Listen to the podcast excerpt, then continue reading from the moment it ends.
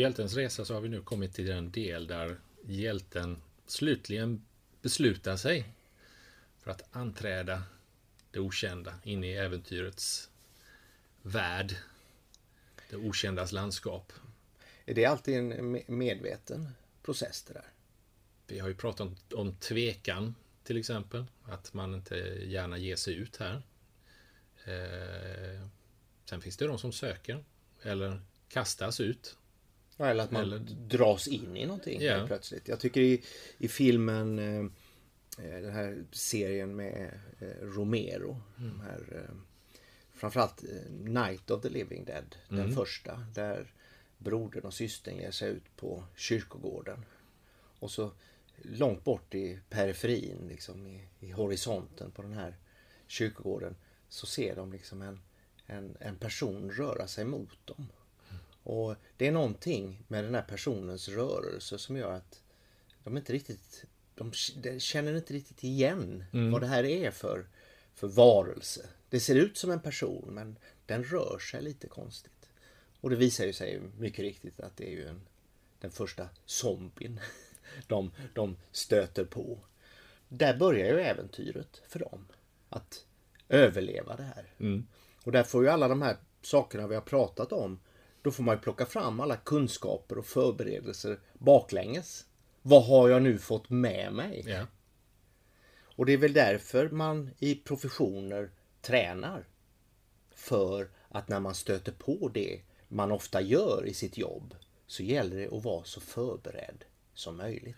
Det här är ju en paradox, eller man måste kunna hantera det här att, att vi, vi ger oss ut på den här resan som designer och konstnär med en intention att vi vill utmana oss själva, vi vill komma bort från det gängse.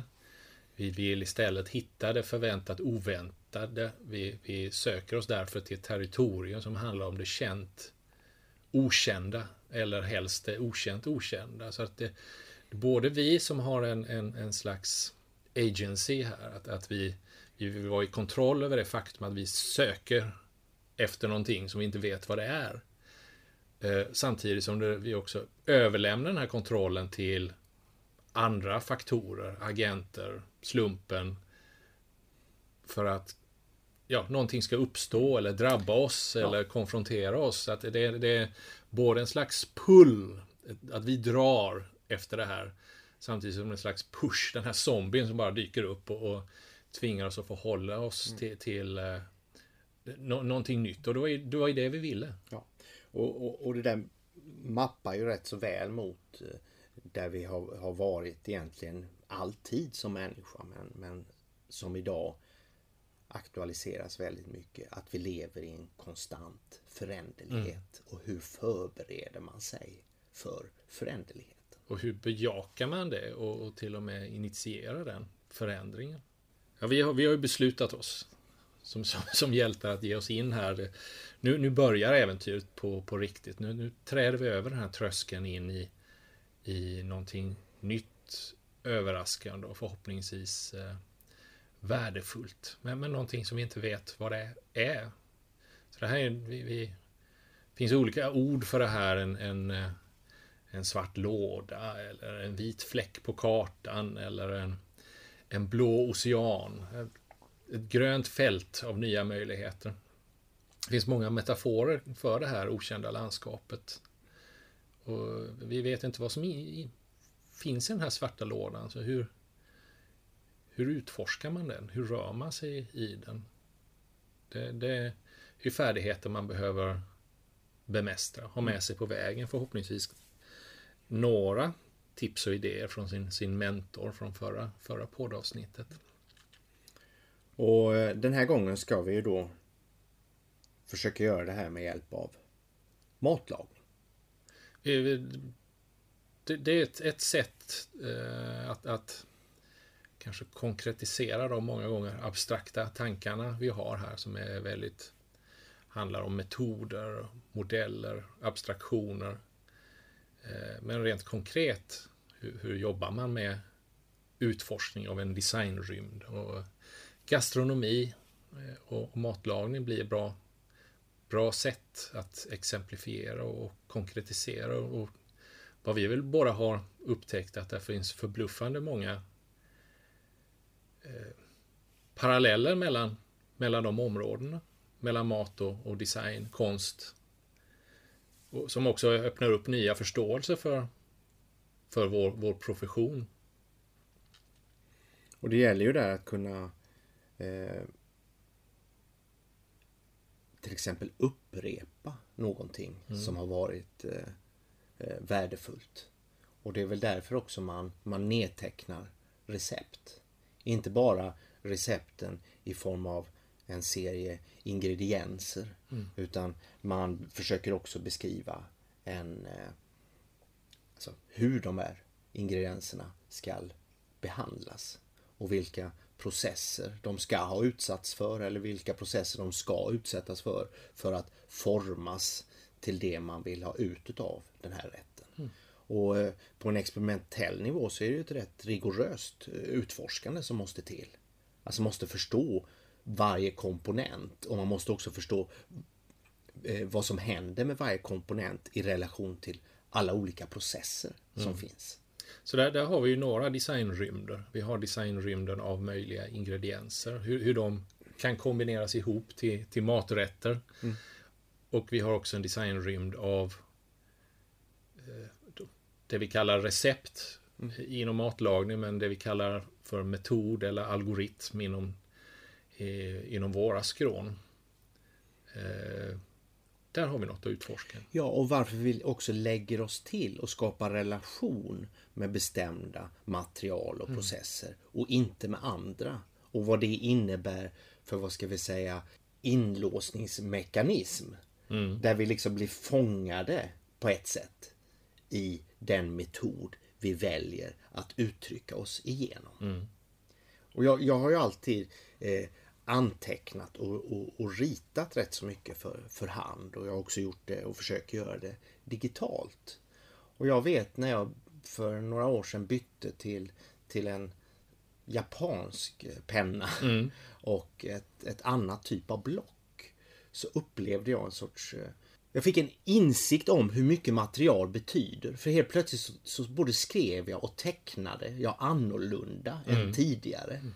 För att på någon sorts mikronivå så fick jag en precision genom mm. de här två materialen som jag saknar i det andra. Där jag faktiskt inte brydde mig så mycket om de här sakerna mm. överhuvudtaget. Mm. Där, där, där, finns ju många bottnar i det du säger. Att, att dels den här uppenbarelsen att nu, nu vidgas dina vyer. Nu finns det andra sätt att arbeta på. Här finns förhållandet mellan människan och maskinen. Att med en ny japansk penna så får man en bättre förmåga. Jag, jag ska bara berätta vad det, vad det handlar om. Det var ungefär som att eh, tiden expanderar i ögonblicket jag skriver eller ritar. Mm. Alltså jag får längre tid på mig att reflektera över vad jag skriver och vad jag ritar. Mm. Utan att det egentligen går mer, mer tid. Mm. Alltså upplevelserymden av att vara i det ögonblicket expanderar. Wow. Men det, det är också där, där, För det finns ju så många olika pennor. Ja. Och vi, vi vill någonting bättre. Vi vill hitta ett, ett bättre sätt att designa eller skapa konst eller skissa och tänka och reflektera med hjälp av en bättre penna eller laga mat på ett bättre sätt eller godare mat. Men vi, vi har inte heller tiden, det är rent fysiskt omöjligt att i den här svarta lådan av alla de här möjligheterna, uppräkneliga möjligheterna som finns, testa allihop. Så vi måste också hitta ett, ett effektivt sätt att utforska det här landskapet. Vi, vi kan inte vrida och vända på varje sten. Så hur gör vi då? Ja, och det, det, det här är ju föremål för eh, om vi tar analogin med matlagning igen. Så om du är en, en mästerkock mm. så vet du att du måste spendera väldigt mycket tid med att experimentera ja. och utveckla din egen kunskap i relation till, mm. till de ingredienser du kan mm. men också alla de du inte kan och kanske vill inkorporera. Ja. Beroende på olika eh, moden och trender till exempel. Mm. Eh, närodlat får ju konsekvenser till mm. exempel. För helt plötsligt ska man bara plocka ingredienser från där man bor och så mm. utvecklar man helt plötsligt nya relationer till, till en massa befintliga produkter som vi kanske inte har, har haft någon, någon, någon, speciell relation. De har funnits där men har inte gjort så mycket mm. med dem. Helt plötsligt är de föremål för en enorm utforskning. Mm. Och så får man helt plötsligt äta ett, eh, ett maskrosblad mm. på ett nytt sätt. Va? Jag eh, kommer att tänka på en film som vi uppskattar båda väldigt mycket. Den här filmen om restaurangen El Bulli utanför Barcelona. Där det finns en, en, en, film som dokumenterar deras process. Eh, och de faktiskt la ett, ett halvår varje säsong på att prototypa och experimentera i, i, i sitt kök i Barcelona. Jag tänker på sådana här scener när de går ner på marknaden och köper en druva och försäljaren på marknaden tror jag inte kloka. Bara en druva. Vi behöver bara en druva. Liksom. De, går, de går och köper e-, ett exempel av varje ingrediens och sen så håller de på och experimenterar. Och vad kan det här passa tillsammans med? Och vad kan man göra med den här ingrediensen? Kan man vakuumförpacka den, torka den, skiva den på längden, tvären? Mm.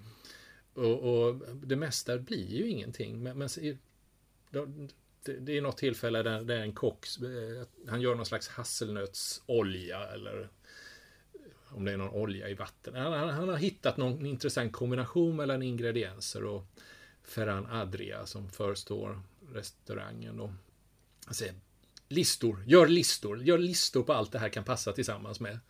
Som ett sätt att utifrån en intressant upptäckt då expandera rymden av möjligheter. Ja, nu, nu har du hittat någon intressant kombination. Hur, hur kan du extrapolera utifrån den, den, här upptäckten, det här guldkornet du har funnit. Så det här, det här är väldigt mycket kring den här det, det kombinatoriska. Mm.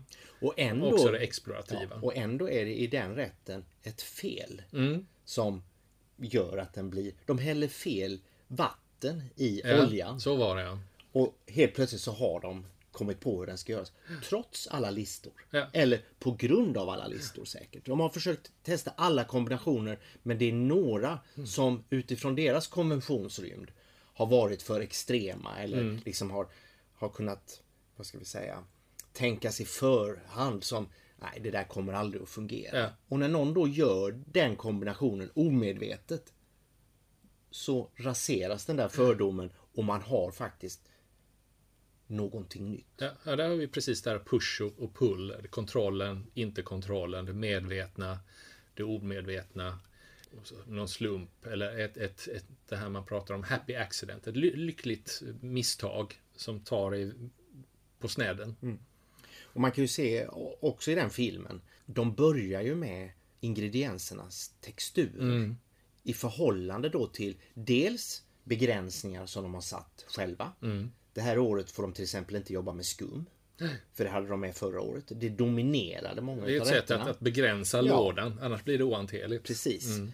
Och, och, det ställer ju saker på sin spets också, för då kan man inte ta den vägen som vi så. Mm. Det här behärskar vi nu. Ja. Det får du inte lov att använda dig utav. Du tar dig ut i det okända. Du binder högerarmen ja, bakom ryggen på dig. Ja. Nu ska du göra allt med vänstran istället. Va? Mm. Och genom att man gör det så återupptäcker man saker man mm. har gjort redigt och, och, och, funktionabelt med, med högerhanden. Helt plötsligt ska man göra det med vänstern. Och mm. då blir det på ett annat sätt. Och man tänker kanske annorlunda. Ja. Här, jag, jag, har inte den precisionen, jag får göra det på ett annat sätt. Mm. Och i det där andra sättet så kan det hända mm. ett eller annat. Jag menar det praktiseras ju överallt. Teckna med vänsterhanden. Eh, etc. etc. Alltså det, det, är ju en sorts övning att komma lite utanför oss själva mm. eh, när vi angriper någonting. Det är, det är andra sätt att tänka.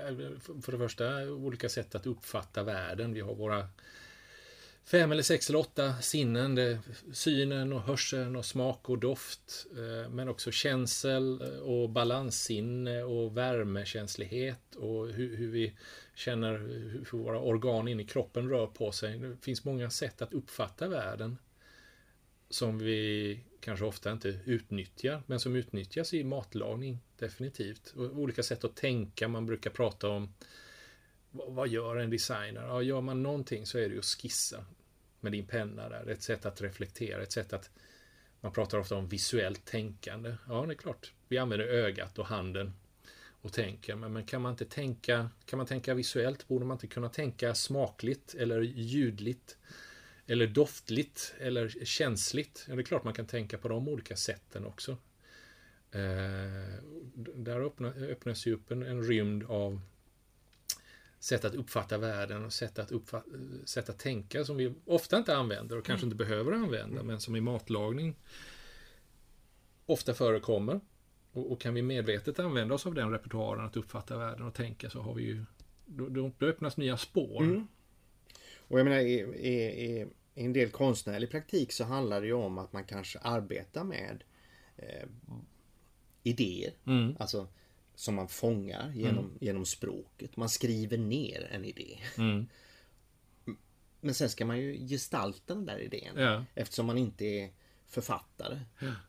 Det kan man ju vara. Mm. Eh, men om man nu inte är författare utan mm. man jobbar med andra eh, former. Man kanske gör en skulptur, mm. bygger en installation, man skriver ett eh, ett manus för en performance, man, man målar en målning. Det finns många olika. Då ska ju den här instruktionen mm. omsättas i en annan form. Yeah. Och i den översättningen, alltså den här idén mm. låter ju bra. Mm. Men när jag ska genomföra den så stöter jag på patrull. Mm. Det blir inte som jag har tänkt mig. Nej. Det blir på ett annat sätt. Och det är väl där jag tycker det är, det är rätt spännande då med att se den här instruktionen som ett, som ett res, recept. Mm. Va? Men kanske mer som ett eh, som ett partitur, skulle ja. jag kanske mer vilja säga. Eh, där, där jag sen är dirigenten mm. i förhållande till mina material och min process. Och så försöker jag liksom spela det här, ja. det här partituret. Mm. Och det kan bli på lite olika sätt. Om jag ber en annan konstnär förhålla sig till, till det så blir verket annorlunda. Ja. Trots att instruktionen i skrift eller i partituret är identiskt. Här finns ett utrymme där vi liksom kan eh, komma till korta eller mm. briljera eller eh, välja att fokusera på olika delar. Ja. Givetvis. Det är ju väldigt viktigt det här att, att du gör det på ett sätt, någon annan hade gjort det på ett annat sätt. Att, att den kunskap som vi har inneboende, som vi redan har, mm. den, det känt kända eller kanske det okänt kända, saker som är latenta eller tacit eller omedvetna eller bortglömda. Det, det är ju det är inte oviktigt, det vi, det vi har med oss från början. Men, men stannar vi bara där så kommer vi bara kunna designa utifrån det vi redan vet. Mm. Kombinera den kunskap vi redan har. Det, det, det är därför det personliga uttrycket är väldigt viktigt. Det ska vi ta med oss. Men, men, också den här balansgången att utvidga den här kunskapen. Det är sånt som, jag tänker på en annan sak, just det här med partituret eller vi använder oss av den här hjältemyten i podden till exempel. Men, och det är ett sätt att ge en struktur till en berättelse. Samtidigt som vi inte ska hålla för hårt i den sargen så att det blir en, en formel som gör att alla berättelser blir samma. De blir lika tråkiga och förutsägbara. Eh, så det är någonting kring den här förstärkningen av vi använder oss av ett partitur eller en narrativ struktur, en algoritm eller metod för att vidga designrymden, ta oss någon annanstans. Inte att fjättra oss vid det här receptet. Har du bara ett recept och följer det slaviskt år ut och år in, det blir ju tråkigt. Receptet ska, eller algoritmen ska ju fria upp, inte begränsa dig.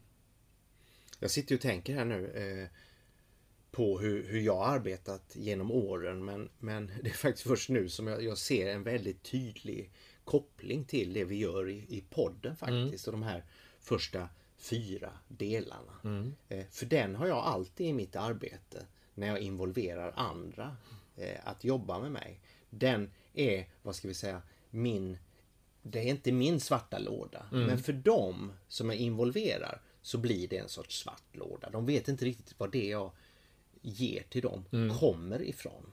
Men den här svarta lådan är min rymd och jag behöver inte speciellt mycket avslöja vad som finns i den. Utan vad jag ger över är ju ett skrivet scenario som de får. Jag har ju givetvis kommit överens med dem innan att det här kommer ni att få. Vill ni göra det här? Mm. Och de flesta eh, säger ju ja. Och det är ju ungefär som att jag ställer dem nu på tröskeln. Ja. Med mitt scenario. För att de ledigt och lätt ska kunna liksom gå över gränsen och genomföra det som står i det här scenariot ihop med mig. Och då dyker jag upp där inne igen mm. som ett sorts som en mentor då, ja. eller som ett stöd i den dialogen. När jag ser vad de försöker göra av de instruktioner, det recept i scenarioformen som mm. jag har gett till dem. Och så har jag faktiskt inte tänkt på det innan. Så att det, det är sånt som sker när man, ja. när man gör sånt här. När vi pratar om designrymder så det, det finns ju något abstrakt landskap av möjligheter. Vi pratade i något tidigare poddavsnitt om all, alla möjliga skor eller all möjlig konst eller vad det nu var för någonting. Att, eh, man, man, kan tänka sig att, att vi utforskar en, en abstrakt rymd av möjliga algoritmer eller design eh, objekt eller maträtter eller möjliga varianter på pasta bolognese eller vad det nu kan vara för någonting. Att det här landskapet är rent fysiskt matematiskt för stort att överblicka. Att vi då behöver bygga en modell av det som, som jag tänker det är en karta.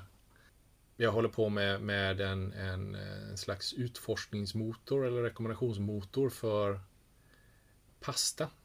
Då lär jag mig en hel del när jag utforskar det landskapet som handlar om Italien och dess 20 regioner där man verkar äta pasta eh, främst i söder men tydligen inte i Austadalen i, längst i norr. Eh, fast de verkar ändå ha lite pasta där, men de kanske äter andra grejer. Och så lär man sig att varje region har, verkar det, åtminstone ett halvdussin olika traditionella regionala pastarecept. Och då öppnas ju upp en rymd av 20 gånger 6, ja, drygt 100-150 pastarätter som man sällan äter.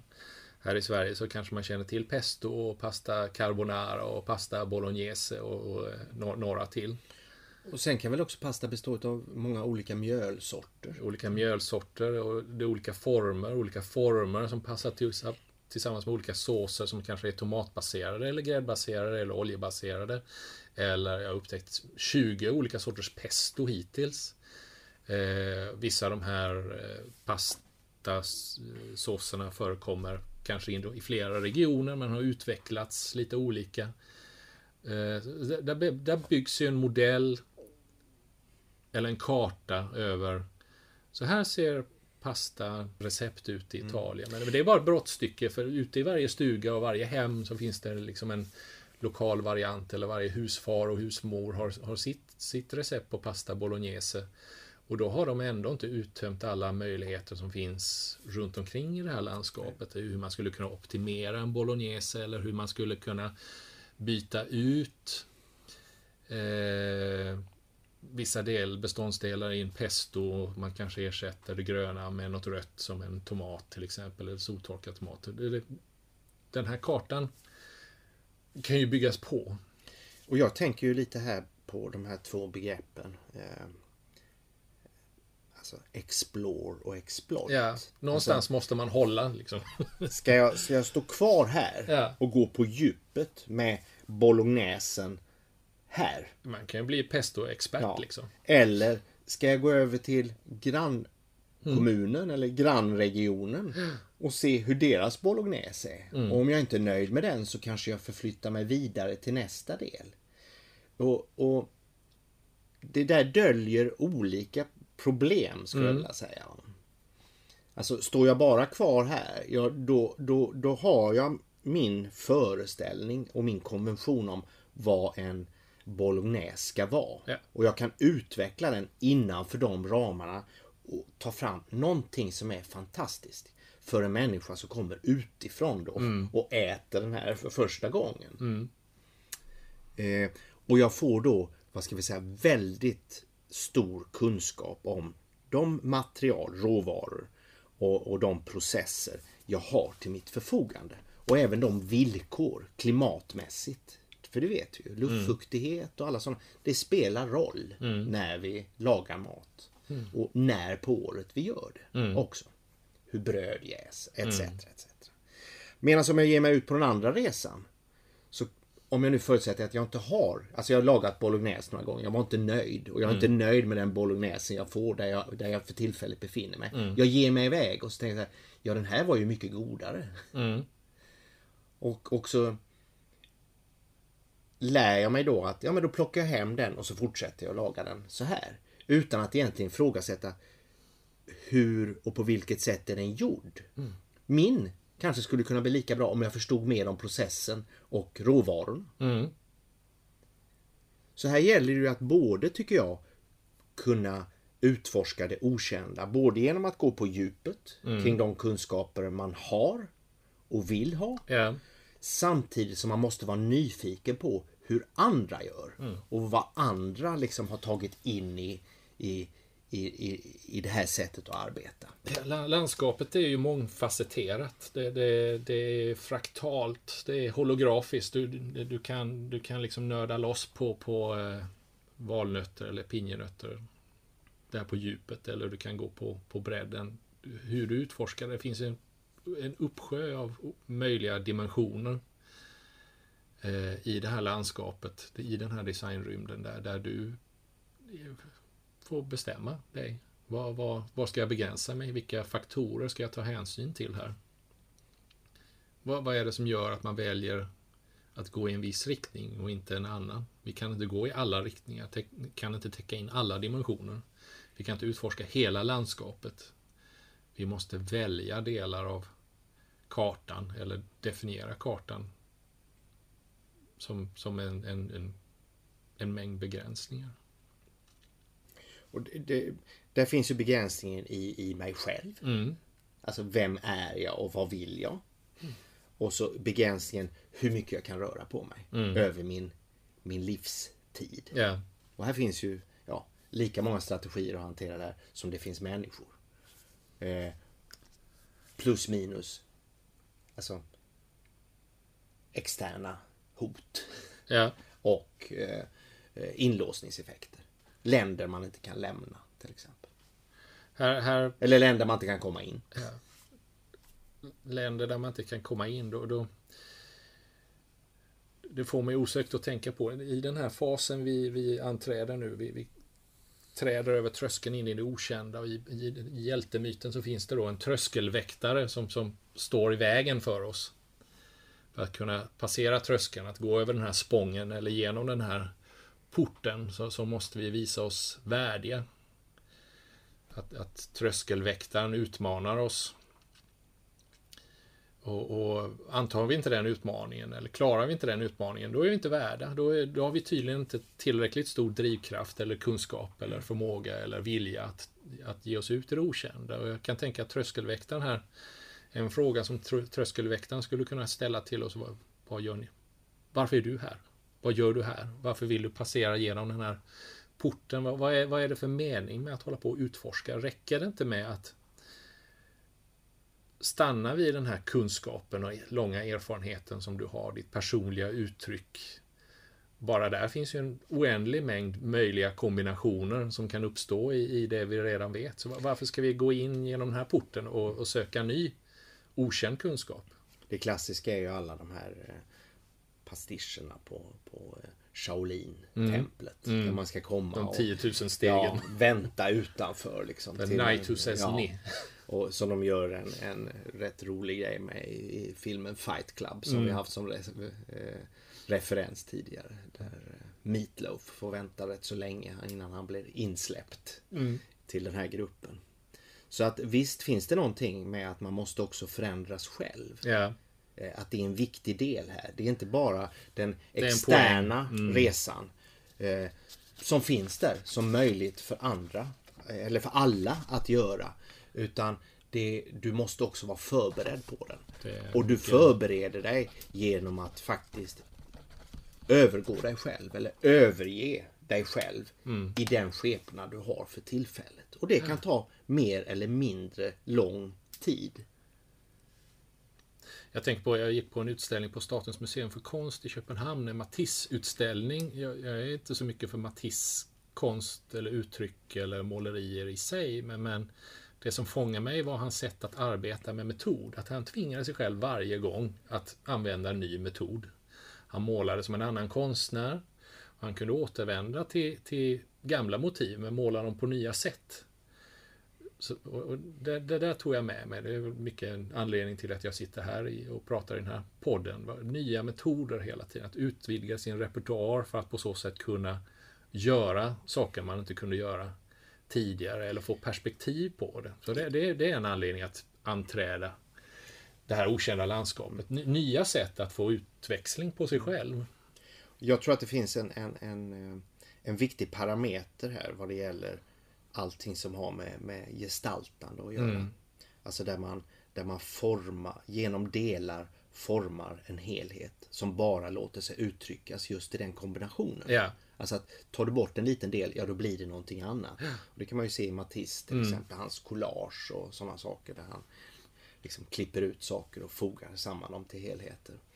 Eh, men att jag tror för, för konstnären eh, eller den personen som, som jobbar gestaltande så är faktiskt en stor del av värdet att befinna sig över lång tid mm. i en bestämd frågeställning mm. som man liksom i det gestaltande arbetet försöker förstå och angripa. Mm. Och som är ett annat sätt att tänka kring ett problem mm. eller en möjlighet än att skissa eller att skriva ner en idé. Yeah. Eller att komma med någonting smart. Mm. Det är inte speciellt smart. Det är mycket mer eh, alltså, djupare reflekterande. Och man hoppas ju att den typen av reflektioner eh, också letar sig in i verken på andra sätt än ett quick fix eller mm. ett, ett, en smart lösning. Och det borde finnas skillnader här. Sen tror jag också att det finns en annan parameter mm. och det är ju mm. liksom konstnärens förhållande till sina material då. Att det, det kanske för konstnären är minst lika viktigt att, att, att få liksom tillbringa tid i, med leran eller med, med oljefärgen eller i, i i drejandet mm. eller vad, vad, det nu kan vara. Va? Där, där man då vill att detta på något sätt ska göra ett avtryck allt det man tänker eller inte tänker. Mm. Och att det manifesterar sig då genom ja, handens sätt att ha, ha rört sig. Jag tänker det handlar lite om vad, vad vill jag och hur når jag dit och vad, vad är då vad är vägen genom landskapet här? Uh, vi, vi, pratar ibland i podden och refererar till, till Margaret Bowden, hennes arbete inom, inom AI och kognitiv psykologi och Eh, sätt att definiera kreativitet där två nivåer där den första är den kombinatoriska. Att man, man blir vid den kunskap man har och så kombinerar man ihop den på olika sätt. Det kan en dator göra, den kan bara sätta ihop olika matriser och listor och para ihop olika kombinationer. Det, det är inte så svårt. Eh, men eh, de flesta av de här kombinationerna blir rätt meningslösa och slumpmässiga och det, det, krävs någonting mer för att uppskatta och värdera och plocka ut vad är, vad är bra kombinationer. Och sen kontrastera då den här kombinatoriska kreativiteten med den utforskande kreativiteten. Att man jobbar sig utanför det befintliga. Det är det vi gör det här avsnittet. Vi, vi, vi är explorativa. Vi tar oss bortom de, den befintliga kunskapen och de möjliga kombinationerna vi har och ger oss ut men, men, när jag hör dig här så och jag tänker på det här att det, det, här är liksom inte svart och vitt. De här flyter ihop. Jag, jag, kan utforska i det befintliga också. Och när jag går på djupet och kombinerar två saker så uppstår den här, den här emergensen, gestalten. Summan är mer än, än, än helheten är mer än summan av, av delarna. Att det finns no, no, någonting här som inte handlar om att ge sig ut i det okända utan att det finns någonting som är hidden in plain sight eller uppstår. Att, att det är kombinatorik och utforskning är inte separata. Mm. De kan flyta ihop eller ha något, något, något mer komplext förhållande till varandra. Jag kommer ihåg när, när jag började ställa ut eh, någon gång på, på början på 80-talet. Eh, så, så var, var det liksom när jag fortfarande gick på, på, på konstskola. Eh, så diskuterades det mycket och jag tycker man ofta fick den bedömningen att, att eh, ja det här var ju intressant. Mm. Men samtidigt var det inte bra. Mm. Alltså att om någonting är bra, ja då kan det inte vara intressant. Ungefär som att det finns en konvention kring vad konst ska vara. Mm. Men den, den kan inte vara intressant. För den är ju liksom konst vad vi förväntar oss. Och den kan göras på ett bra sätt. Mm. Den kan liksom preciseras innanför sin fördefinierade mm. position i konstvärlden. Medan det intressanta Ja, det är någonting som man inte har mött tidigare. Mm. Men det har, inte, det har liksom ännu inte fogat sig. Det, det, det bär på någonting som är en möjlighet. Men vi kan inte riktigt ta hand om den möjligheten. Det, det, här, är, det här är väl viktigt. Eh, Bowden igen, vad, vad, är, vad är kreativitet? Vad är någonting som är kreativt? Jo, det är någonting som är överraskande. Det är någonting som är nytt och någonting som har värde. Så här, vad, vad, är då någonting som är intressant? Ja, det är, det är någonting som är lite överraskande och lite nytt, men, men än, ännu inte har nått det här värdet. Mm. Som man tydligen är upp, upp, ute efter i den här situationen, där, där man tycker att det här är inte bra, det är intressant, det är lite överraskande och nytt. Mm. Men, men värdet finns inte där ännu. McCullough skriver om det här när han eh, skriver om eh, procedural architecture. Mm. Eh, med att vi som människor inte är Eh, förberedda för algoritmers möjliga kreativitet. För det algoritmerna skapar åt oss kan vi inte känna igen mm. som, som någonting vi vill förknippas med. Och på det sättet förstår vi inte det, för de är helt främmande i sin kreativitet eller i, i sin tråkiga upprepning. Mm. Eh, som vi aldrig ens under en livstid skulle kunna spendera tid i att, i att göra. Men, men ett datorprogram kan göra det på oss på, på några timmar. Mm. Och helt plötsligt får vi detta tillbaka till oss som en gestaltning som vi finner bara främmande och meningslös. Och här finns ju någonting som, som är spännande att erövra.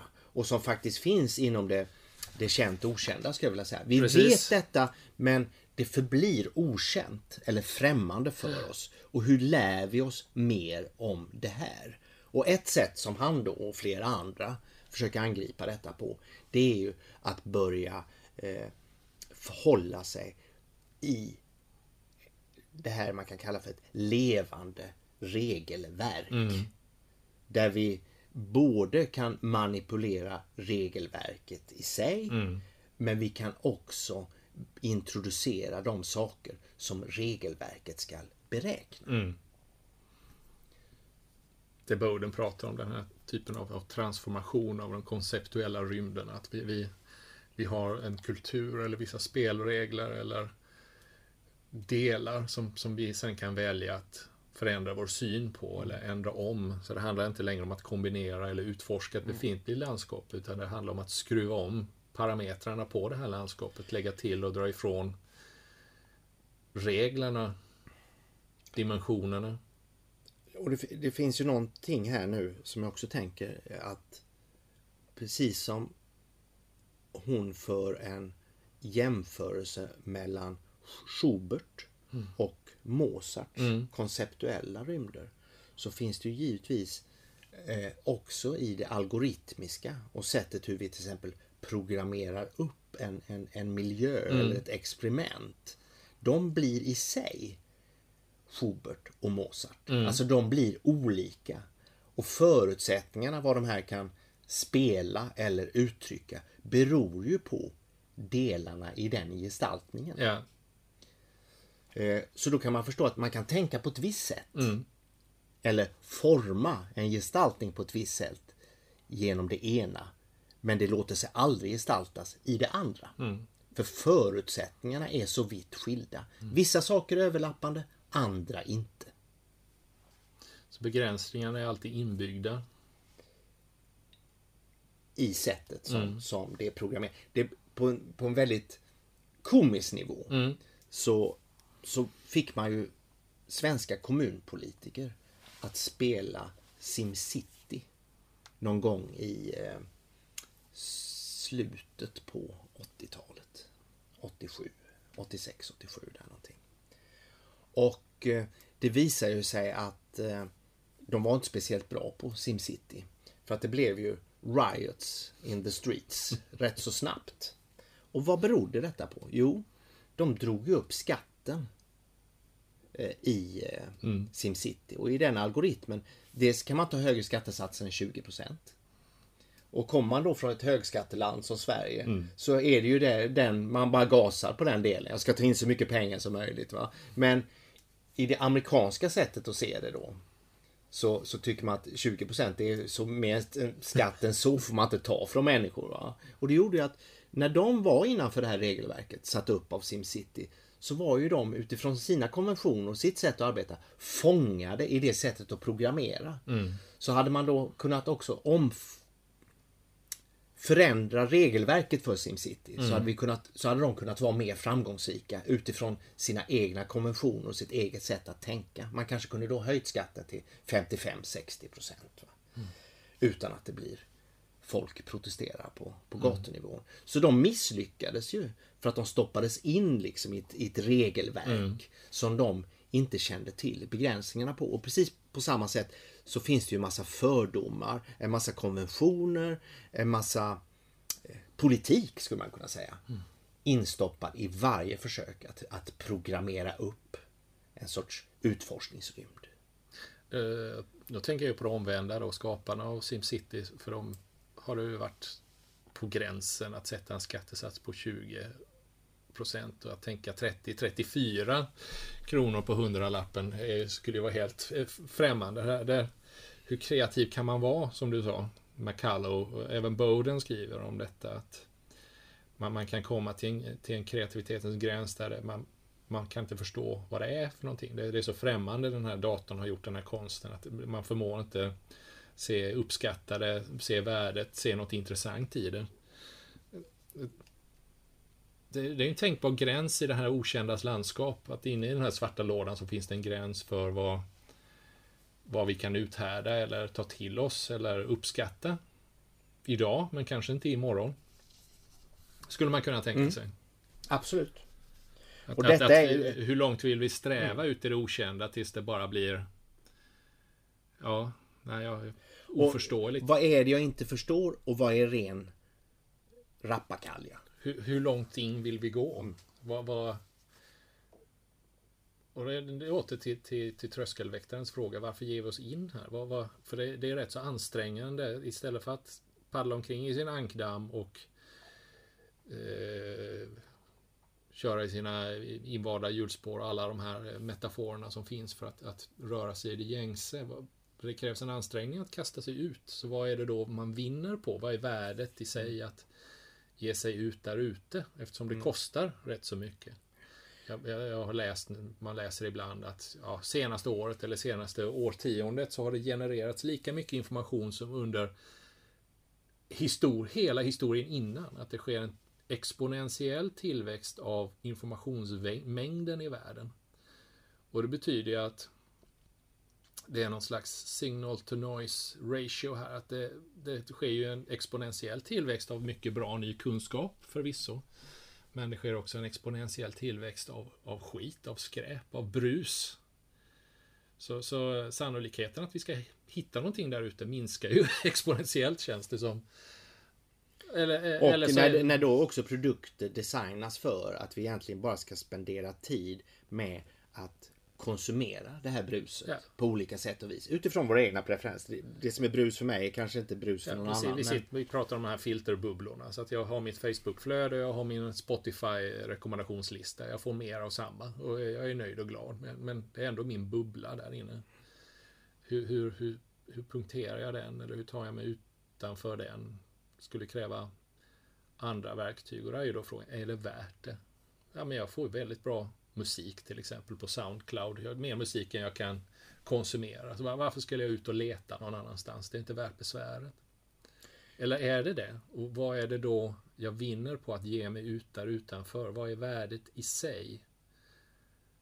När, när vi redan lever i ett informationsöverflöd. Varför, varför ska vi imitera, inbjuda till mer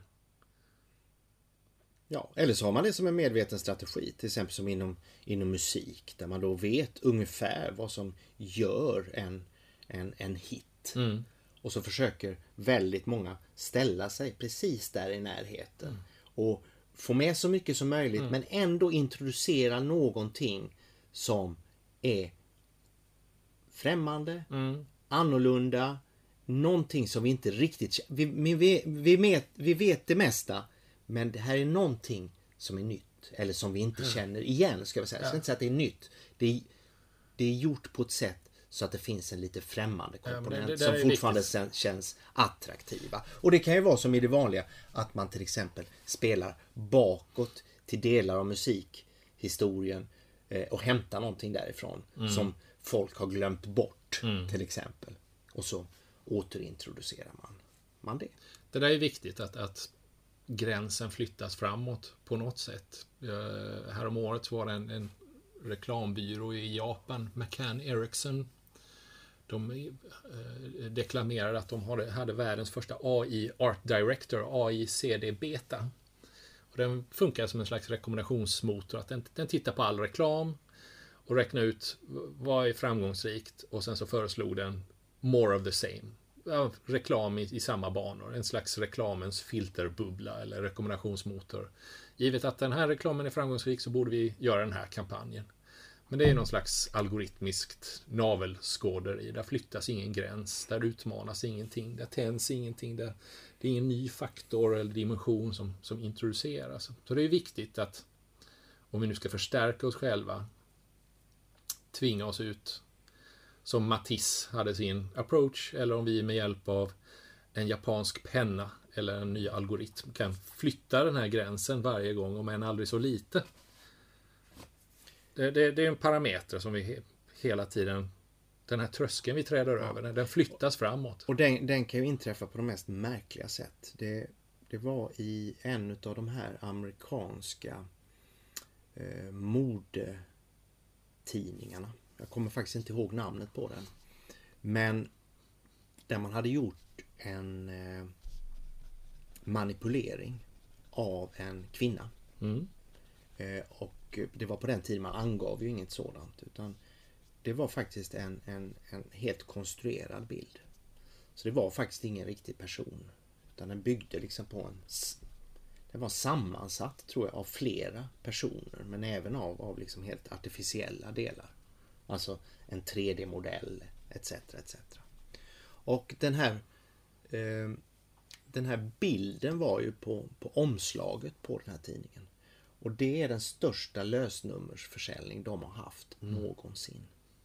Människor som inte ens var intresserade av själva tidskriften i sig köpte den här mm. tidningen för att de upplevde en sorts attraktion till den kvinnan som fanns på, på omslaget. Oavsett om du liksom var, var man eller kvinna. Eh, så, så var det någonting som attraherade. Och givetvis så, så, så, gjorde man en undersökning kring det här.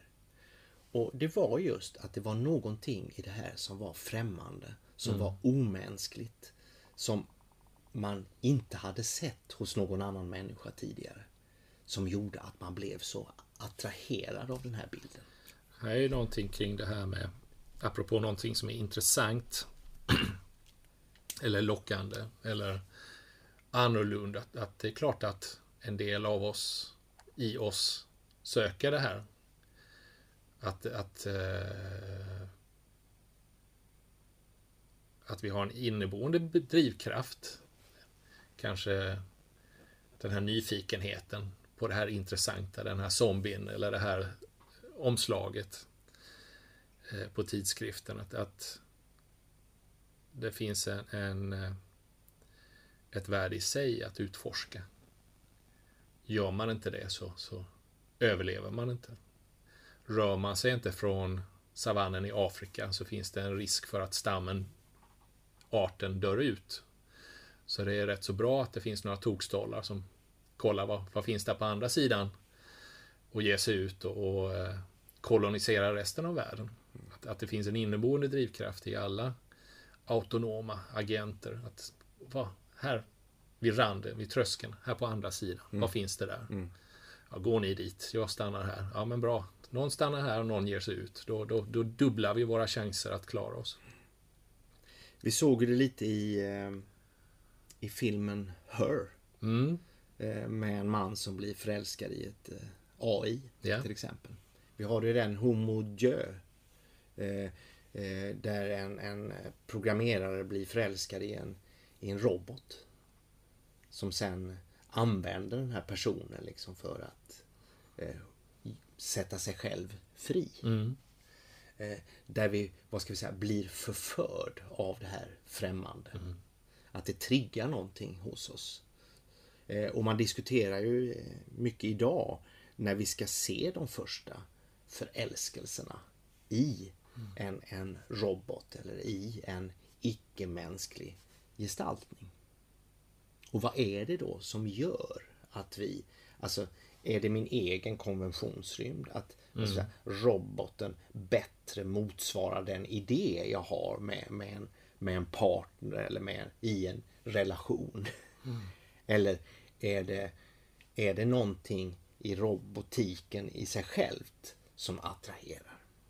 Det och även virtuella världar och, och dataspel och, och, den tidsrymd som, som, som många kan spendera där inne i, i andra världar som är annorlunda, kanske mer intressanta än den grå vardagen ibland. Äventyrets eh, värld. Ja, varför, varför ger vi oss in här i, i det okända? Ja, det, om inte annat så finns det en anledning att likt Matisse och andra, eh, hjälten ska alltid utvecklas i sig själv. Ge sig ut i det okända och, och tampas med olika utmaningar.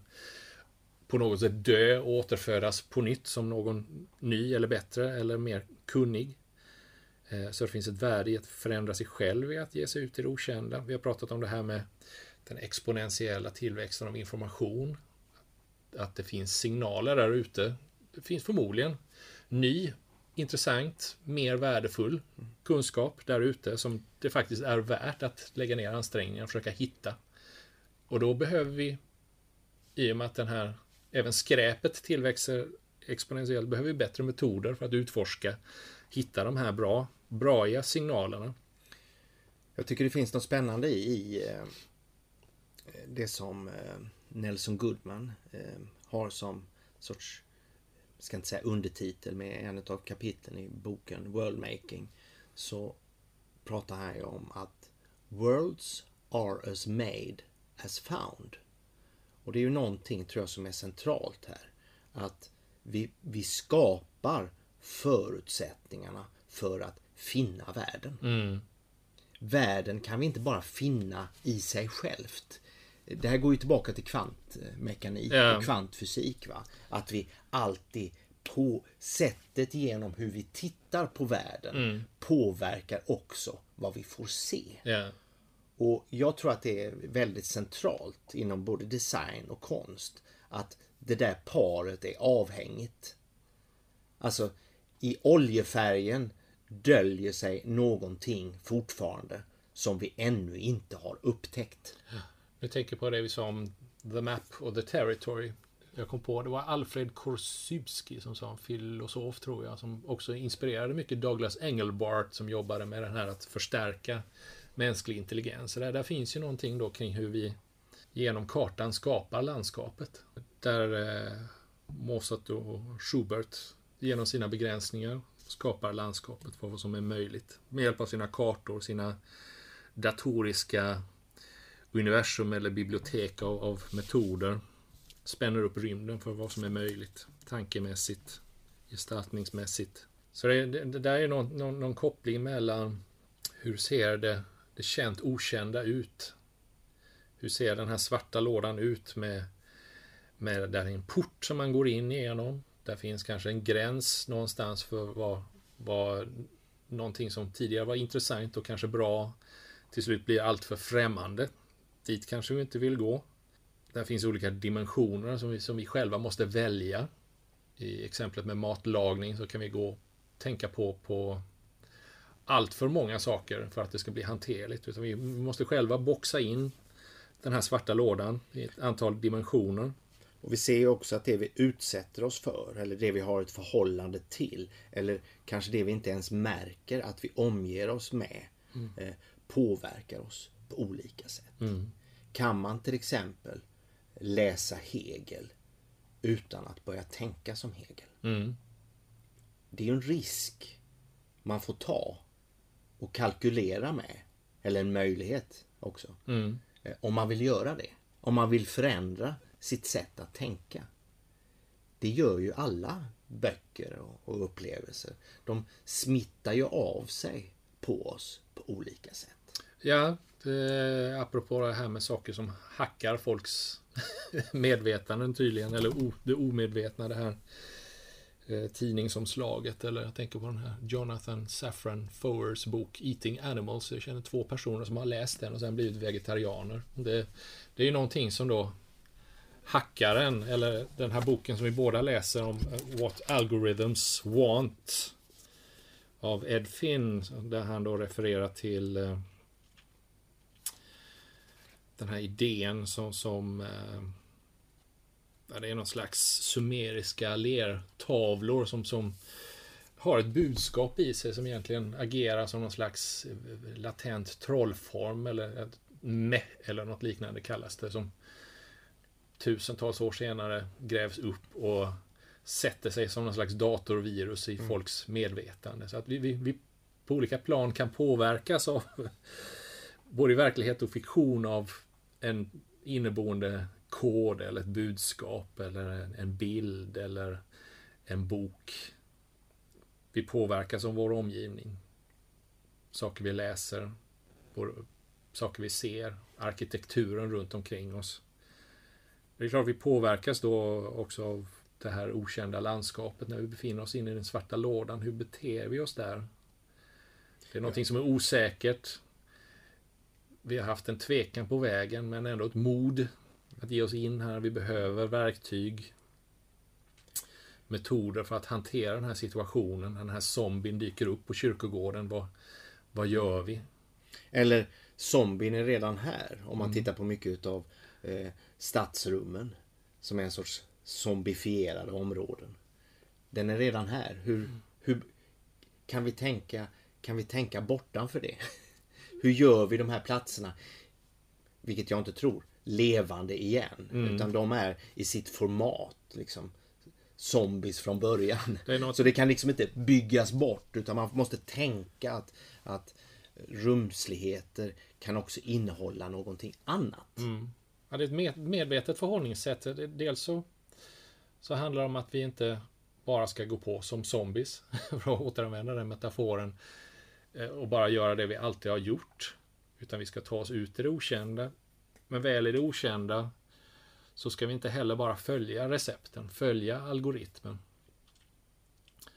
Utan det handlar om att, att medvetet förhålla sig till, till den här relationen vad är mina mänskliga styrkor, svagheter, begränsningar? Vad är, vad är maskinens styrkor, svagheter och begränsningar? Hur, hur kan vi medvetet utnyttja den här kombinationen i, i den här miljön? Men handlar inte det också om den här, där vi nu står i det här avsnittet, med att vi måste också göra den här, eh, vara beredd på den här inre förändringen. Mm. Eh, jag tycker det är centralt när man pratar till exempel med, med design studenter eh, tidigt. Att de ofta har en lite mer ingenjörsmässig idé om vad, vad design är. Att det är mer en inkrementell förbättring av någonting befintligt. Mm. Det är inte liksom ifrågasättandet av ett samhälles olika paradigm mm. som man istället borde i alla fall utmana och ge sig på. I någon mån. Ja. Och då är det ju mer att, ja men då är det bara, man ser världen som en sorts linjär mm. liksom, trapp, utvecklingstrappa. Det gäller bara att komma längre och längre upp på den trappan. Mm. Istället för att ifrågasätta, finns, varför finns det en trappa? Ja. Det är ju för det första då valet av lådan, begränsningarna, dimensionerna. Att, att röra mig inom det befintliga, det kombinatoriska eller utforska inkrementellt, små steg kanske. Eller vänder jag allting över ända? Och även när jag vänder allting över ända så måste jag fortfarande begränsa mig. Det, det mm. går inte att förändra allting. Det, det blir ohanterligt. Så och där man... finns det ju då till exempel om vi vänder tillbaka med till, till, till stadsrummet. Eh, idéer då om andra möjliga stadsrum. Mm. Man har en sorts intention eller en sorts önskan att städer borde idag se annorlunda ut mm. eller fungera på andra sätt. Och då blir det väldigt svårt att inkrementellt liksom ta sig ut eller ta sig bort från det. Mm. För jag menar städer är också ett format. Mm. De är ett format ibland som en konsekvens av olika lagstiftningsbetingelser. Mm. Vilka hus får man lov att bygga? Vilka eh, ekonomiska modeller för husbygge är, är idag bäriga? Vilket gör att de som investerar i att bygga ett hus kan få tillbaka sina pengar. Eh, Sådana saker, alltså en massa funktionaliteter styr snarare betingelserna i stadsrummet mm. än en idé om vad ett stadsrum skulle kunna vara. Mm. Och här finns ju en spännande konflikt tycker jag. Mm. Många krafter i, i rörelsen. Och innebär det då till exempel för en konstnär att ja, vi ska göra det här lite mer mänskligt. Mm. Att man sätter upp en skulptur eller man låter någon måla graffiti på en vägg. Trots att både den där offentliga platsen inte fungerar i sig själv mm. eller den där väggen är fortfarande eh, lika meningslös. Eller den, den döljer bara en, liksom en, en, rationell funktion. Och nu har vi smyckat ut den lite för att göra den mer mänsklig. Mm. Istället för att kanske miljön i sig var, var mänsklig från början och inte kräver en sorts utsmyckning i, i efterhand. Här är någon, Eh, pratar vi om, om staden då som en designrymd eller som en design där en del en del av staden är designad utifrån olika funktioner. Eller jag tänker på som det ser ut i många svenska städer där Erik Dahlberg ritar upp ett rutnät. Så här ska det vara, pang bom. Men också staden som en organism eller någonting som, som växer organiskt utan någon, någon masterplan. Så där, där det finns emergenta fenomen i hur staden sen har utvecklats. Att en del drivs av människan och en del drivs av någon ur algoritmer. Någon slags inneboende drivkrafter. Ja, och, och det drivs ju också av, av eh, planering. Mm. Alltså vi har plankontor och ja. vi har bostadspolitik och, och vi har givetvis eh, en massa Eh, händelser i världen som vi inte riktigt kan styra över. Och Det är ju där vi, vi kan se idag på många ställen att på vissa ställen har det byggts för mycket och på andra ställen har det byggts för lite trots att man har försökt planera för att, för att eh, kunna ta, ta hand om det här. Så här finns ju också liksom någonting oväntat händer trots att vi trodde vi hade koll på, ja, på det, läget. Det är det, vi kombinerar de här dimensionerna. Vi vill ha något oväntat bra, inte något oväntat dåligt. Vi vill ha släppa kontrollen för att något bra ska hända, mm. inte för att någonting dåligt ska hända. Och där startar äventyret då på något sätt med att vi, vi alltså det är ett externt hot eller mm. en extern påverkan som är väldigt, väldigt stark. Som innebär att vi måste förändra. Kanske sättet hur vi tänker oss att vara i framtiden. Mm. Eller att vi måste förändra våra befintliga miljöer. Så att det anpassar sig efter de nya villkor som har kommit att råda. Det är ett sätt att se på saken, problem i dess negativa bemärkelse. Att vi vill röra oss bort från en, en, en, en eh, otillfredsställande situation. Men, men det finns ju andra sätt att se på saken. Att vi, vi kan måla upp scenarion som vi skulle vilja ha och hoppa iväg till dem istället. Det är uppenbart att det finns olika sätt att röra sig i den här rymden, olika typer av rörelsemönster eller metoder eller algoritmer för att traversera det här nätverket eller grafen eller rymden av, av möjligheter. Och det är klart att det finns, finns, finns massor med den typen av, av, av sätt inom kreativa metoder eller inom design, hur man rör sig eller hur robotar rör sig i ett, i ett landskap eller hur en, en algoritm traverserar en graf. Det, det finns ett, ett helt, en väldigt stor del av den här tankens kartotek som handlar om, om tankemönster eller algoritmer eller metoder för att utforska någonting. Och många av de här skulle man kunna manifestera i en, i en maskin, en, en utforskningsmotor.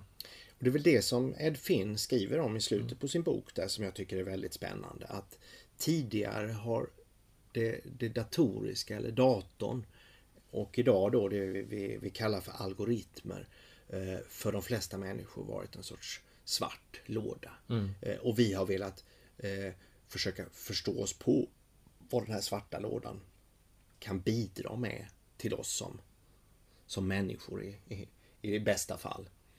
Eh, men att vi nu är, det skiftet har redan hänt mm. där eh, detta inte längre är en svart låda. Vi förstår rätt så väl vad som pågår här. Och idag är det vi som människor som är den svarta lådan. Som algoritmer försöker liksom lura ut oss ur. Mm. Så att algoritmerna gör att vi får syn på oss på sätt vi inte har sett oss själva mm. som människor. För algoritmerna kan genom det nätverkssamhälle vi har skapat idag och med, med alla de här tjänsterna eh, vi står inför det som vi började prata om, ubiquitous computing för länge sedan och idag mm. som är Internet of Things.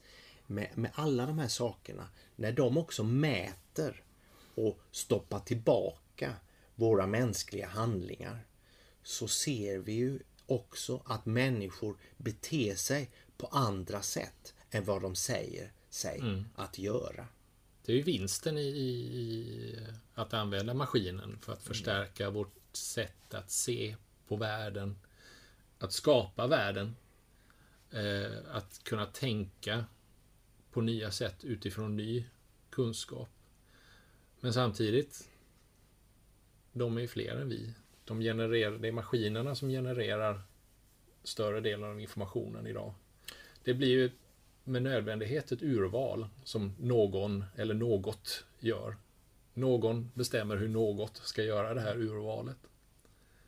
Och, och jag menar, där är ju logiken rätt så obehaglig tycker jag. Och det är ju mer av det befintliga. Mm. Alltså, har, du, har vi, har algoritmerna sett att du beter dig på ett visst sätt, mm. ja då ska du ha mer av det. Mm. Och du erbjuds mer av det. Mm. Eh, det. Det här har ju haft sedan många år tillbaka en stor, har ju utvecklats på det sättet att man idag inte bara längre använder sig av enkäter vi mäter till exempel vad folk tittar på på skärmarna, hur lång tid det tar till de klickar på en länk etc. Mm. Men vi har ju då också haft tidigare intervjuer där man då frågar folk varför de tar vissa mm. beslut mm. till exempel. Och det här handlar ju väldigt mycket om online shopping. Det är ju där man, man har gjort de här stora studierna.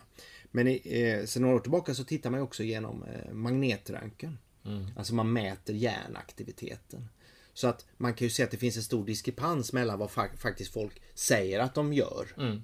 och vill och vad de faktiskt upplever ett stimuli och eh, där de faktiskt spenderar sin tid. Här mm. finns ju en konflikt kring vem vi som civiliserade eller som kulturella varelser vill upprätthålla en, en form av bild av oss själva mm. som civiliserade. Mm. och hur vi faktiskt agerar. Och det är det här som algoritmerna driver ur, ur oss, mm. helt enkelt. En annan sida hos människan som vi inte har på något sätt haft ett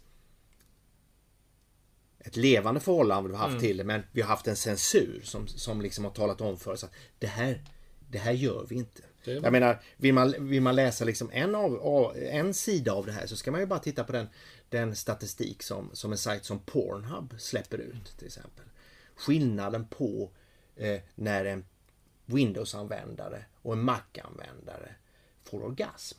Mm. Det kan de mäta i sina videoflöden helt enkelt. Så maskinen kan synliggöra sidor av oss som vi själva inte har sett innan. Maskinen kan också driva oss. Och vad vi pratar om här handlar om hur vi vill ha en medveten kontroll eller åtminstone talan i detta. Att, att ta oss vidare ut.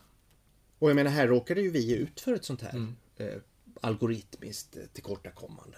Mm. När vi eh, fick fatt på eh, det här receptet vi valde för den här poddens utforskande. Ja, om man tar den här designrymden som handlar om Italiens pastarätter. Så man kan gå in på italienska Wikipedia till exempel så finns det ju naturligtvis en artikel om Umbriens kök och där finns en, en rubrik som handlar om primi piatti. Man kan ju se pasta finns då, kanske ett sju, åtta pastarätter som är typiska för Umbrien.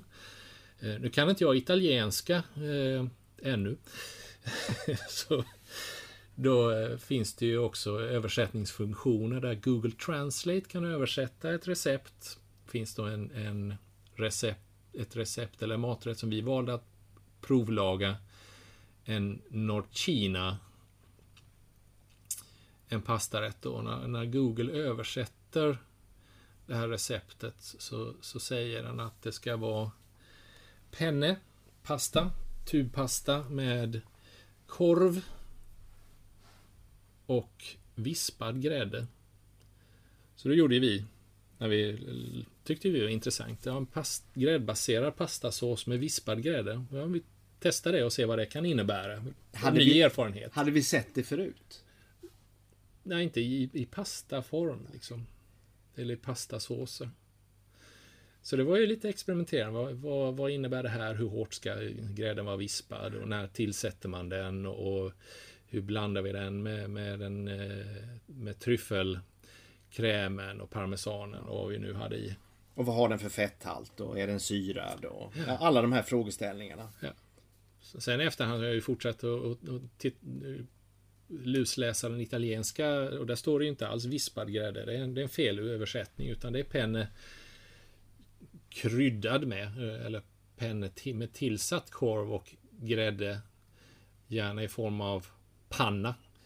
Eh, en italiensk grädde som kanske inte är lätt att få tag på i Sverige. Så det, det, det, betyder inte alls vispad. Det, det, bara, det var någon slags glitch där i översättningen som gjorde att att, att, att eh, vi leddes in på ett annat spår. Och det var ju trevligt. Och det öppnade upp en ny rymd av möjligheter för oss. Och... Ja, och det, den var ju just utifrån någon sorts konventionsperspektiv lite svår att överbrygga. När, mm. vi, när vi la på den här grädden yeah. eh, ovanpå pastan vid, vid första provlagningen. att det såg lite märkligt Den smälte ju inte ut så där snyggt som vi hade föreställt oss. Och... Så det, det, finns ju flera bottnar i detta. Att, att maskinöversättning vi kan inte förlita oss till det om vi vill ha någon slags sanning, om vi vill göra en, en genuin traditionell Nordkina. Men där finns också en, en, någonting i maskinen som, som leder oss in oss på de här happy accidents som tar oss ut i nya möjlighetsrymder oavsett om den här Nordkinan ska lagas med vispad grädde eller icke, vilket den förmodligen inte ska. Om man ska hålla sig till traditionen så har den ändå öppnat upp en möjlighet för oss. Ja, men hur använder man vispad grädde i matlagning i mm. allmänhet? Eller vispar saker i allmänhet?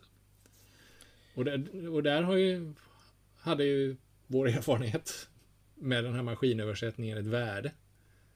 Det, det, det tar vi med oss. Ja, och, och, den fick ju konsekvenser. Den, den kan extrapoleras. Ja, men vad finns det för andra sätt att transformera en ingrediens eller en, ett informationsmönster i allmänhet? Mm. Och den ruckar ju på liksom den här mentala modellen vi hade. Mm. Vad, en pasta ska vara, vad en pastasås etc. Och det är väl det som Malcolm Gladwell pratar om i sin mycket bra mm. föreläsning mm. om pastasås. Som faktiskt börjar med en, en diskussion om viskositet. Mm. Och, och, sötningsgrad i en, i en Pepsi-Cola. Och varför det inte finns egentligen en Pepsi-Cola utan det borde finnas tre. Mm. Beroende på vad folk föredrar. Och varför det idag då finns ett 20-tal olika tomatsåser. Mm. Och vad en italiensk tomatsås egentligen mm. är. Ja, så det enda det är på något sätt att det här var ingen medveten strategi hos oss att förledas av en maskinöversättning. Men, men framöver kan vi kanske förhålla oss lite mer medvetet till det. Hur använder vi maskinen medvetet och hur kan vi medvetet välja att vill vi ha det traditionella eller vill vi överraskas i behandlingen av ingredienser eller ingredienserna i sig? Så det, där är ju någon form av människa-maskinsystem. Människan som, som utforskande organism och maskinen i form av någon utforskningsmotor. Kan de fungera i symbios på ett bra sätt så att vi medvetet söker oss till det förväntat oväntade, det, det känt okända. Då, då börjar vi då, då, har vi tagit oss en bit in här i, i äventyrets värld. Så trots att vi satte upp en massa olika begränsningar då. Mm. Eh, så blev vi ju genom de här begränsningarna rätt så kraftigt knuffade in i det här okända. Mm, både både mat, gastronomiskt och metodmässigt och, och insiktsmässigt. Och vi, vi såg ju då också, trots att vi följde ett recept, att det var fullt med, med luckor Mm. och tolkningsmöjligheter. Ju givetvis. Och eh, när jag har studerat det här vidare, det är klart det finns en uppsjö av olika Nordkinas. Googlar man då på detta så finns det ju massor med olika eh, varianter naturligtvis. En, en designrymd som rör sig kring det här. Det är något med en tubformad pasta. Det är någonting med, med det här korvköttet. Det är någonting med den här grädden. Sen kan du ha paprika. Sen kan du ha chili. Sen kan du ha tryffel. Men är det tryffelkräm eller är det tryffel per se eller är det tryffelolja? Alla de här dimensionerna kan man manipulera. För att inte tala om då det kanske inte ska vara vispad grädde, men det ska vara den här italienska pannan som kanske inte är samma sak som Skåne Mejeriers vispgrädde eller matlagningsgrädde. Bara i den här lilla, lilla knappnålsstora designrymden. Går vi på djupet här så, så öppnar sig en, en oändlig möj, rymd av möjligheter. Mm. Eh, jag kan dra en parallell här. Vi, vi lagade en eh Vitello Tonato för ett tag sedan och gjorde mm. lite research då vilket eh, såsrecept vi skulle följa. Och vi gick väl igenom kanske ett 20-tal olika recept. Och eh, allt ifrån recept som innehöll liksom fyra väl definierade och mer, vad ska vi säga, industriella produkter till sådana som gick igenom alla delarna då. Alltså man gjorde en mm. egen majonnäs etc. Alltså det fanns ju något ungefär som i den här poli nya politiska kartan då. Mm. Mellan höger och vänster och mellan auktoritärt och liberalt. Va? Så, så, eh, så fanns det liksom också axlar här mellan hantverk mm. och industri. Mm. Alltså hur mycket prefabs. Eh, italienska köket innehåller ju rätt mycket prefabs mm. faktiskt. Mycket, mycket Eh, konserver till exempel. Ja, mycket officiella eh, ingredienser. Ja. Godkända. Och sen, sen liksom hur mycket kunskap du själv har. Mm. Alltså, eh, kunskap du inte har eh, som då får en tidslig parameter också. Du måste lära dig det här. Mm. Eh, så att eh, där kan man ju då placera sig själv i receptet också. Alltså hur mycket vet jag redan från början? Mm. Hur mycket vill jag ta, ta användning av det som redan är utvecklat? Alltså hur mycket färdiga ja. halvfabrikat eller helfabrikat vill jag plocka in? Befintlig kunskap. Ja. Där ute. Ja. Mm. Och hur mycket vill jag själv jobba liksom, med det här? Hur mycket vill jag liksom, Utvidga den rymden. Få mina mm. händer mm. Smutsiga liksom. Mm. Eller, ja. Där, där, finns ju flera strategier då. Din egen kunskap, kunskap som finns hos någon annan och sen kanske kunskap som ännu ingen har utforskat. Och saker som man får ta konsekvenserna utav mm. beroende då på vilket recept jag väljer. Mm. Men hur gör du? För jag känner att här finns ju en paradox i det utforskande. Det, dels, å ena sidan så handlar det om att vi, vi vill utvidga vår rymd från där vi befinner oss ge oss ut. Vi divergerar, vi breddar oss. Men i den här breddningen så måste vi ändå hela tiden göra val. Vi måste konvergera, välja bort, boxa in, välja vissa dimensioner eller axlar. Hur, hur, hur tänkte du? För du landade på de här 20. Varför inte 3 eller 200? För det finns ju förmodligen dels fler hade vi inte, Vitellos. Att, ja, att, dels hade, jag menar nu pratar vi inte heller om mm. vilket köttstycke man ska använda och hur man ska tillaga det. Mm. Där finns ju li, minst lika många. Nej men jag blev skeptisk för att jag tyckte att de skilde sig så mycket mm. åt de första recepten jag fick tag i. Mm. Så jag var tvungen liksom att få upp en viss mängd med recept. Ungefär som eh, Gladwell gör med tomatsåserna. Ja. Alltså, jag försökte liksom verkligen hitta vad, är, vad har alla de här recept, recepten gemensamt i form av ingredienser, processer etc. Mm. Eh, innan jag riktigt kunde beställa, bestämma mig då för vil, vad det var jag skulle... Gemensamt eller skillnader dem emellan? Framförallt tyckte jag att de enklare recepten var inte lika smakmässigt eh, sammansatta helt enkelt. Mm. De innehöll för få ingredienser. Ja. Och man förstår att de är gjorda lite mer med att det ska gå snabbt att röra ja. ihop. Alltså du ska ta en tub majonnäs, du ska ta en burk med, var, var med olja.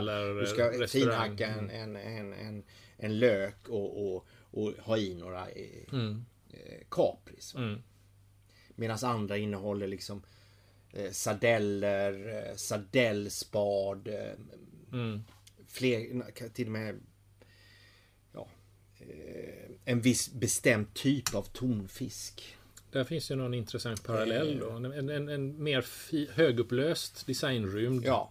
Men som också kräver mer arbete att Visst. utforska och hitta de här kombinationerna. Och du ska inte ha liksom eh, majonnäs utan du ska ha mm. finhackat ägg istället. Mm. Och så en olja. Alltså, så det, det, sådana saker styrde oss här. För att försöka förstå vad det var för... Vi hittar faktiskt fram till ett rätt bra recept tycker jag. Smakmässigt. Jag Kanske, tänker... Viskositeten var inte mm. den. Jag hade velat ha den lite krämigare. Vi har båda läst och, pratat om den här andra boken uh, Algorithms to live by. Där, där man då författarna plockar det sätt som datorer Eh, fattar beslut eller optimerar olika processer och, och tar dem som någon slags rättesnören för hur vi skulle kunna leva vår vardag. Där bland annat då det här med det vi pratar om i det här poddavsnittet, utforska kan vi göra tills vi blir blå, tills universum tar slut. Men vi, vi måste dra en gräns någonstans i den rymd vi utforskar. Vi måste dra en gräns någonstans kring hur främmande det här kan bli. Hur, hur konstig den här vitellon kan bli. När man börjar blanda i ketchup och, och vad vet jag. Eh, och vi måste dra en gräns för rent tidsmässigt också. Hur, hur, hur, hur lång tid kan jag lägga på att laga den här rätten? Eller hinner jag titta på två eller tre eller 20 eller 200 recept? Att, att det inte bara handlar om att utforska utan också exploatera den här mm. algoritmen Explore Exploit. Kan du relatera det till det i ditt utforskande där? Ja men absolut och det finns ju parametrar vi inte har pratat om här heller. Det handlar ju om det som ligger kanske mer mot hantverket mm. men i alla fall med, med det som har med det taktila att göra. Mm. Alltså hur mycket vi umgås liksom med ingredienserna självt. Mm. Hur mycket uppskattar jag liksom att, att eh, finhacka ner någonting. Mm. Eh, Alltså de sakerna är också aspekter som jag letar efter i ett recept. Mm. Att jag vill, jag vill ha med liksom delar där jag får vara delaktig. Mm. Och det är ju i den här dimensionen av, av, av ofta av det taktila eller att man rör mm. på ett speciellt sätt. Eller att jag får använda en speciell maskin eller en mm. speciell process. Är, är det, Sånt guidar ju här också. Är, är, det, är det liksom dimensioner som, ja men det här trivs jag med eller Precis. Finns det, det, någon, det, finns det någon dimension där du också utmanar dig i detta? Nu, nu vill jag laga mat på ett nytt sätt eller? Vilken, vilken rymd rör du där i? Om vi tänker Matisse. Ja, här, här är jag nog mer ute efter kanske det som eh, Tim Ferris eh, pratar om. Mm. Alltså att faktiskt hitta det, det det smartaste sättet att göra någonting. Så effektivitet. Effektivitet, ja. Bang for the buck. Ja. Mm.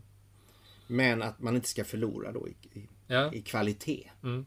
Och det, det, det, där tar ju tid att, att liksom optimera en, en, om vi nu pratar mat, en, en, en rätt. Va? För att det är mycket man ska lära sig här. Ja. Vi har ju samma problem i, i den här utforskningen av det okända. Att, vad är det smartaste sättet? att utforska en exponentiellt tilltagande informationsrymd men ändå hitta guldkornen, mm. de bra signalerna mm. här. Jag, jag, jag tvingar mig själv att hålla mig till italienska Wikipedia mm. till exempel och då får jag ändå en designrymd av 130 mm. pastarätter. För det finns ju fler, men jag, jag börjar där. Mm. Och sen om jag då ska utforska den här Nordkinan vidare. Vad, vad, vad, hur ska jag tänka mm. liksom? Ja, det är ju mycket upp till mig själv.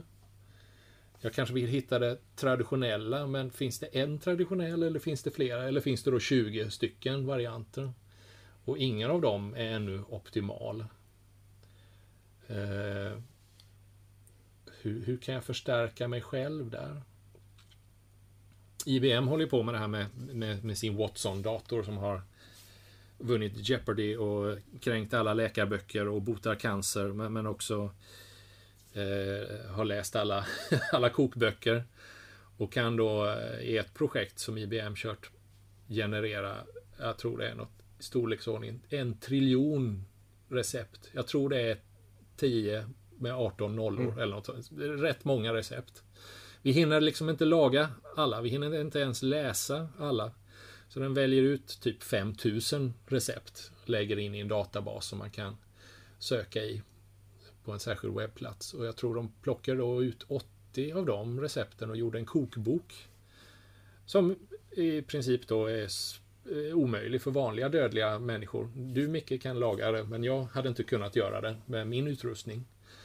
Och det är någonting där kring maskinen kan spänna ut en, en designrymd på ett sätt som människor har svårt. IBM i en av sina videos då, kring det här projektet pratar en, en stjärnkock som säger att ja, men en, en, en duktig kock kan resonera om kanske två in, ingredienser tillsammans, hur det kan funka, eller kanske till och med tre. Men sen börjar det bli väldigt komplext. Man ska hantera alla de här ingredienserna. Och, eh, de olika, den typen av kombinatorisk kreativitet. Mm. Medan Watson då kan kodifiera hur funkar de här ingredienserna tillsammans rent kemiskt eller smakmässigt och så vidare. Har gigantiska databaser och, och bra algoritmer för att förstå hur funkar det här. Och förstärker då de här stjärnkockarnas förmåga att göra cross-cooking mellan olika kök och upptäcka nya intressanta smakkombinationer som då som på din, din det här konstprojektet eller den här zombien kanske inte är helt Ja, det känns lite konstigt men det är intressant mm. och det var faktiskt inte så tokigt den här eh, smakkombinationen. Men, men, det krävs en dator som pushar dig lite utanför dina, dina gränser. Man kan ju förstå omfattningen av det när man tittar i en bok som eh, Smaklexikon till mm. exempel. Eh, som då eh, och eh, bloggen eh, taffel.se har ju det här som är smakkompisar. Mm. Eh, som, som, där de just försöker undersöka vilka associationer har till exempel ananas med an, andra ingredienser. Mm. Då försöker man liksom fånga det. Ja. Och det är väl kanske vad vi människor klarar av. Liksom. Vi kan välja en huvuddel och sen kan vi liksom titta, vad ligger här i grannskapet? Mm. Och eventuellt i det grannskapet så ligger det här och det fungerar också ihop med detta. Och så har vi möjligtvis tre ja. liksom, saker vi kan röra oss kring. Och det är ofta tillräckligt skulle jag vilja säga. Men redan en, sen en pesto har fem grundingredienser. Mm. Nordkinan kom upp i sju. Din vitello där, de mer mm. avancerade mm. recepten. Det, det blir en rätt stor och då måste man ju förstå också vad varje del mm. bidrar med. För allt är, är ju inte bara smak. Jag menar, tittar vi på det kinesiska köket så är ju inte... Vi kanske tror att det är smak mm. som är det viktiga, men det är minst lika mycket konsistenserna mm. som, som spelar roll där. Va? Så många av ingredienserna är ju inte till här för att bidra enbart med smak. Utan de ja. ska ju ge en textur eh, i mm. rätten. Det, är sånt man måste begripa. Tim Ferris experimenterar ju med det i sin 4 hour chef och optimerar recept. men måste jag verkliligen ha den här ingrediensen? Kan jag plocka bort här? Blir det ändå 80% bra om jag tar bort de här grejerna? Och jag funderar själv på det eh, ibland. Jag har en kryddblandning med 20 kryddor. Ja, men behövs alla egentligen? Mm. Eller vad händer om jag tar bort de här två? Kommer det att märkas överhuvudtaget? Och där sätter du liksom fingret på det som, som vi har pratat om eh, tidigare med begreppet eh, gestalt. Mm. Alltså gestalten är ju beroende av alla sina delar. Ja. Annars är det inte den gestalten. Nej. Då, då, är, då, då är en annan gestalt. Ja, eller en del bidrar inte. Ja. Eller bidrar negativt mm. till gestalten. Eller så blir det ingen gestalt. Mm. Alltså, det levererar inte det det säger sig Nej. leverera. Eh, och jag brukar ta analogin där med, med, med, proteinet då. Att proteinet har ju den funktionen eh, som är dess gestaltning. Så knäcker vi liksom ett, mm. ett, ett ben på ett protein. Mm. Eh, så får det en annan funktion helt ja. enkelt.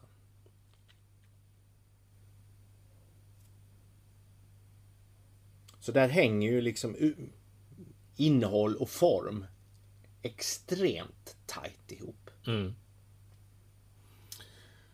Ja, här, här, här handlar det om kunskap som du har i högre grad eh, än vad jag har. Jag ger mig ut på den här resan för att tillskansa mig mer av den här kunskapen. De här mästerkockarna har, har ju utbildats och är professionella i det här landskapet.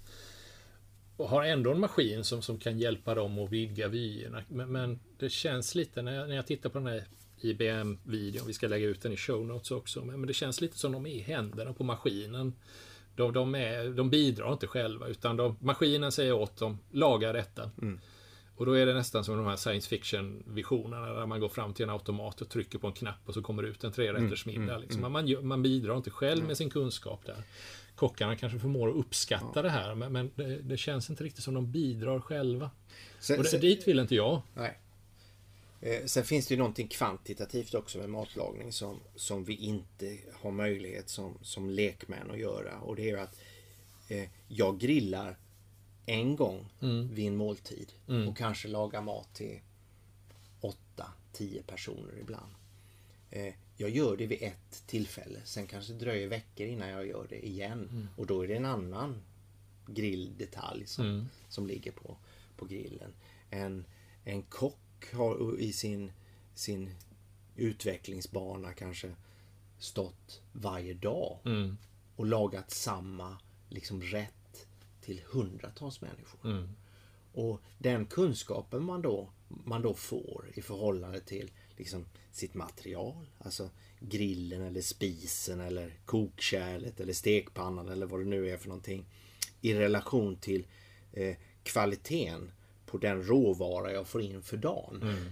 Så lär man ju sig att kompensera och jobba olika för man har gjort det så många gånger. Mm. Idag är råvaran på det här sättet. Ja, då mm. går den lite längre, lite kortare, den vilar lite mer, den vilar mm. lite mindre etc. etc. Eller idag serverar den inte för den håller inte tillräckligt hög kvalitet. Vi stryker mm. den från menyn.